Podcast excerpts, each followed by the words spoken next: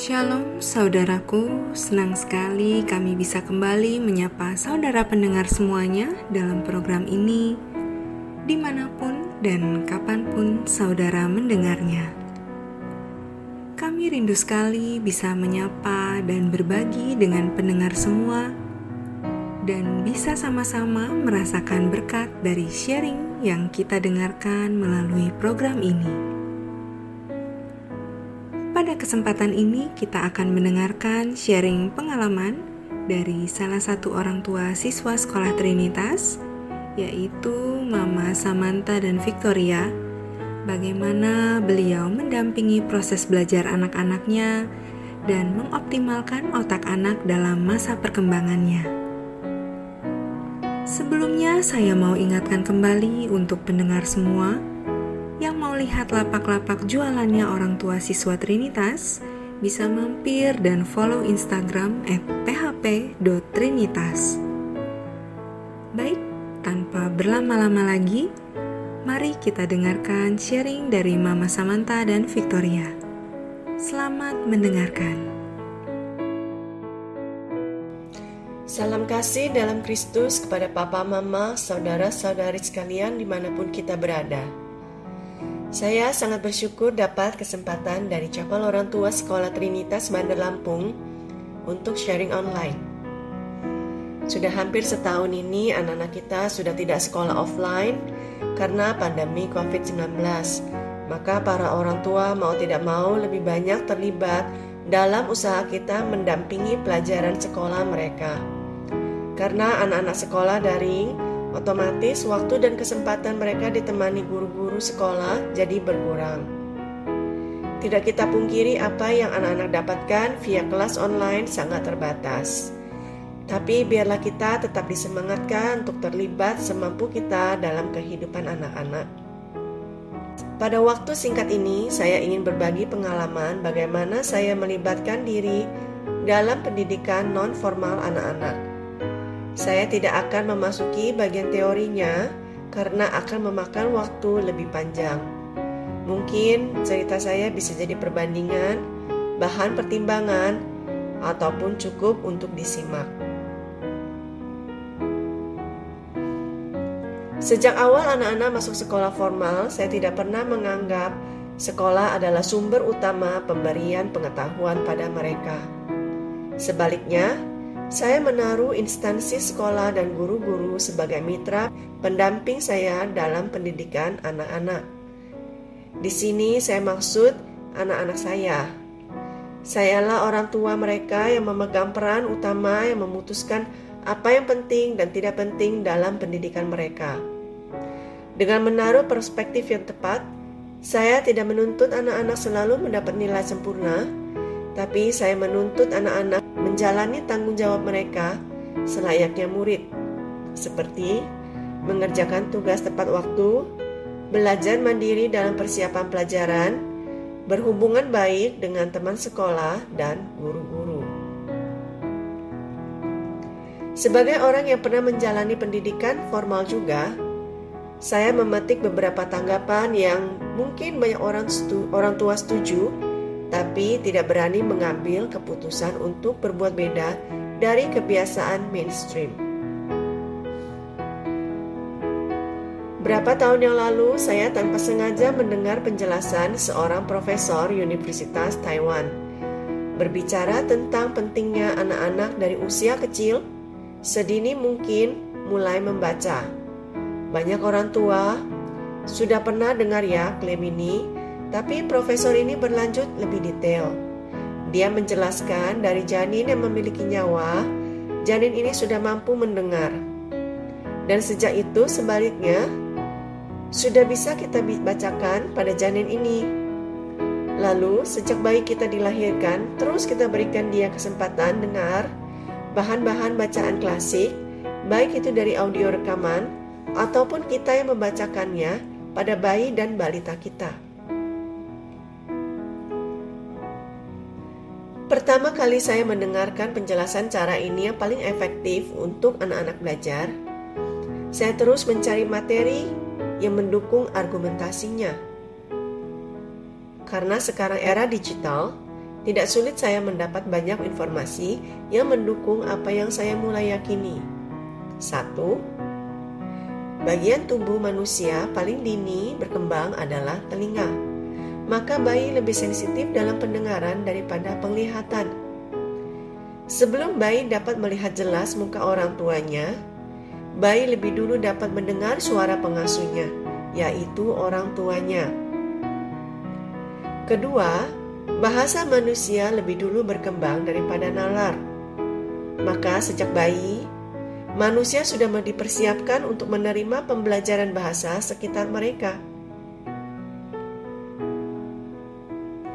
Contohnya, jika seorang anak tumbuh besar dalam keluarga monolanguage, keluarga yang hanya menggunakan satu bahasa, maka anak itu hanya bisa uh, lebih fasih dalam satu bahasa dibanding dengan anak yang dibesarkan dalam lingkungan keluarga yang multilingual.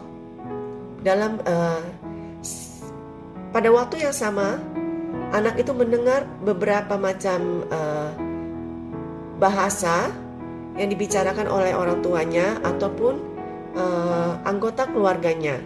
Maka anak ini akan mendapatkan uh, nilai tambah dalam menangkap beberapa bahasa asing pada waktu yang sama.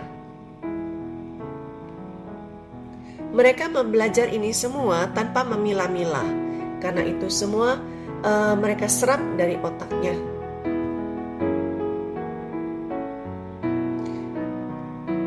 Maka, walaupun bagi saya, saya sudah merasa sedikit telat, saya memulai ajak anak-anak membaca berulang kali bacaan klasik sejak Cece berumur 5 dan adiknya berumur 3. Satu bab bacaan akan saya suruh mereka baca berulang sampai 60 kali. Kemudian lanjut ke bab baru. Umumnya di, di pengulangan antara 20 kali mereka sudah menghafal teks teks bacaan tanpa mengenal alfabet dan arti teksnya. Mengapa saya berkata demikian? Karena mereka sudah bisa menghafal pada umur 3 itu dan umur 5. Di mana mereka Cece baru di kelas TK ya, baru belajar uh, bahasa Indonesianya.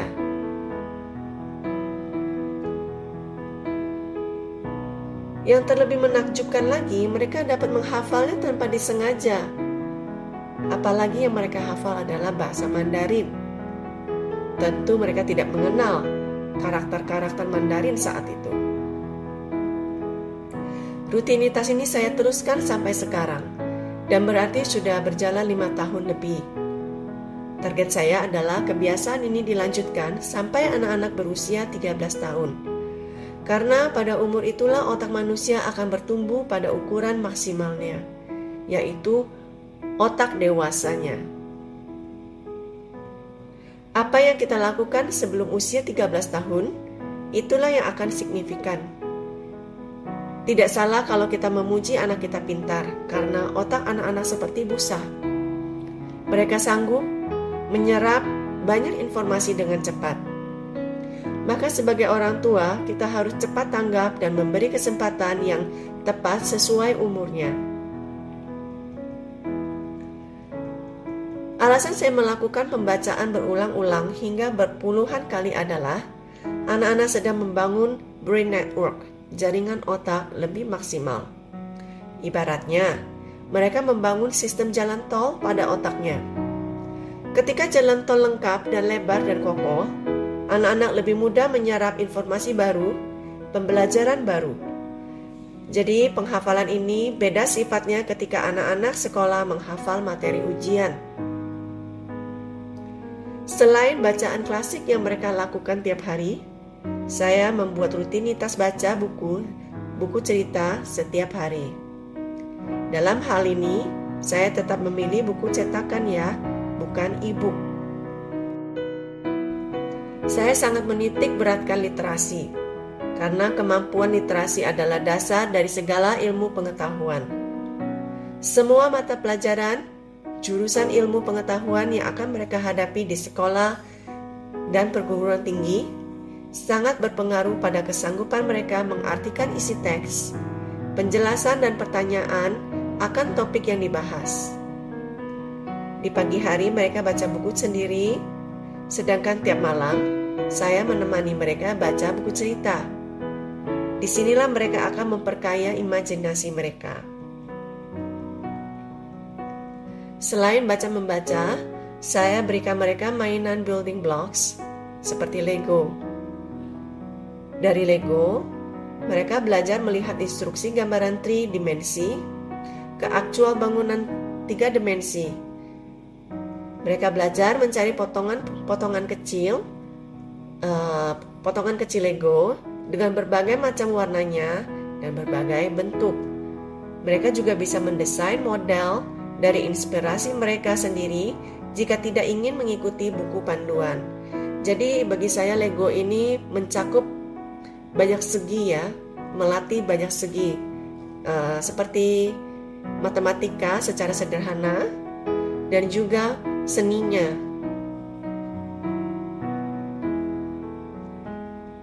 Dalam pemilihan kursus tambahan, saya membatasi anak-anak ikut kursus terhitung dalam lima jari. Dan apa yang saya tentukan anak-anak daftarkan harus dijalani paling sedikit dua tahun untuk menilai apakah mau dilanjutkan atau tidak, berguna atau tidak. Saya tidak mau coba-coba hanya beberapa bulan, tapi uh, pastikan dulu apakah berguna kursus yang akan ditekuni bagi mereka dan akan kami jalani dengan tanggung jawab. Kami jalani termasuk saya di dalamnya, karena saya juga harus komitmen untuk mengantar jemput anak pergi les, memantau dan mengingatkan mereka tugas yang diberikan apakah sudah mereka kerjakan. Soal ikut lomba-lombanya, saya punya pendapat sendiri loh. Dan ini hanya menurut saya. Saya tidak mendorong anak selalu ikut lomba. Karena inti yang saya ingin ajarkan bukan meraih prestasi dari lomba, tapi dari rutinitas dan ketekunan mereka berlatih dalam jangka panjang. Saya dan anak-anak yang menilai apakah mereka mampu dan ad, dan ada kemajuan, apakah memberikan yang terbaik melalui progres mereka hari lewat hari, dan itu dibutuhkan uh, paling sedikit setahun, dan kalau bisa dua tiga tahun baru kita bisa menilai.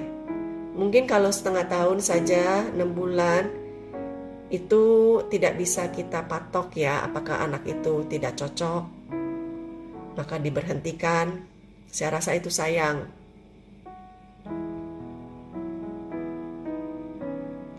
Dalam pendidikan anak, saya sebagai orang tua, sayalah penuntun utamanya. Karena saya yang paling mengerti kemampuan masing anak-anak Guru-guru di sekolah adalah insentif yang berharga dalam mendidik di bidang ilmu pengetahuan yang tidak dapat saya tangani. Tapi saya juga yang menilai dan tidak semena-mena menuntut anak-anak harus mengerti suatu bidang ilmu di umurnya saat ini. Contoh matematika dan IPA. Nalar atau logika akan menyusul sesuai umurnya bertambah. Maka, uh, saya rasa orang tua tidak perlu menekankan anak-anak harus nilai bagus pada IPA dan matematika. Karena dengan berjalannya umur, nalar pun akan bertambah. Maka bersabarlah kalau anak agak agak telat untuk mengerti dalam soal matematika atau IPA. Sedangkan kemampuan anak paling siap berkembang di usia dini adalah bahasa. Yang saya maksud di sini bukan bahasa Indonesia, tapi language. Maka dari kecil saya menanam kegemaran membaca pada anak. Dengan baca, banyak baca, secara alami mereka akan kaya dengan kosakata-kosakata yang akan diperlukan dan berguna untuk berbagai mata pelajaran. Dan dalam membaca, mereka akan mendapat ilmu yang juga akan ditemukan dalam kurikulum mereka nanti. Tapi saat sebelum masuk pada materi pelajaran sekolah, tanpa tuntutan untuk menghafal atau mengerti, mereka sudah sekilas mendapat gambaran pelajaran secara dasar tentang sesuatu hal. Dan mereka dapatkan itu secara dinikmati, bukannya karena paksaan diharuskan. Dan itu hasilnya akan lebih maksimal.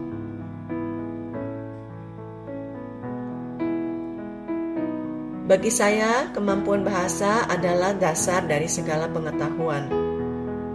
Anak saya sekarang kelas 3 dan 4 sampai saat ini uh, saya cukup yakin mereka sudah membaca 200 lebih buku cerita dan buku pengetahuan seperti Why, General Knowledge ya. Jika anak-anak papa mama mau mendapatkan kesempatan membaca banyak buku, puji Tuhan, Trinitas juga memiliki cukup koleksi buku anak-anak dengan pilihan dalam bahasa Indonesia, Inggris, dan Mandarin. Tentu hanya murid Trinitas yang mendapat fasilitas ini. Terima kasih Papa Mama sudah mau duduk bersama saya via online mendengarkan sharing pengalaman saya. Uh, saya tidak berkata pendapat saya yang paling benar, tapi jika ditanya apakah saya akan berubah pikiran dan tindakan saya, uh, dengan yakin saya dapat mengatakan tidak. Tapi jika boleh memutar balik waktu, yang ingin saya perbaiki adalah memulai anak sulung membaca dari usia 3 tahun. Karena antara umur 3 sampai 5 tahun adalah golden window bagi anak-anak menyerap informasi. Karena seum, uh, seiringnya waktu mereka tambah besar, penyera, daya penyerapan uh, otak dia otomatis akan menurun. Maka kenapa saya mengatakan pada saat 13 setelah itu hanya tambahan-tambahan saja. Sekali lagi terima kasih atas kesempatan yang diberikan Chapel Orang Tua Sekolah Trinitas untuk bisa berbagi on air. Tuhan menyertai kita semua orang tua yang ingin memberikan yang terbaik untuk anak-anak kita. Terima kasih dan salam kasih. Saudaraku, kita telah mendengar sharing dari Mama Samantha dan Victoria. Kiranya bisa menjadi berkat dan wawasan untuk kita dalam mendampingi proses belajar anak-anak kita. Terima kasih atas kesediaan saudara semua meluangkan waktu untuk mendengarkan program ini. Selamat melanjutkan aktivitas untuk pendengar yang masih akan beraktivitas, ataupun selamat beristirahat untuk saudara yang meluangkan waktunya mendengar program ini sambil beristirahat. Tuhan Yesus memberkati.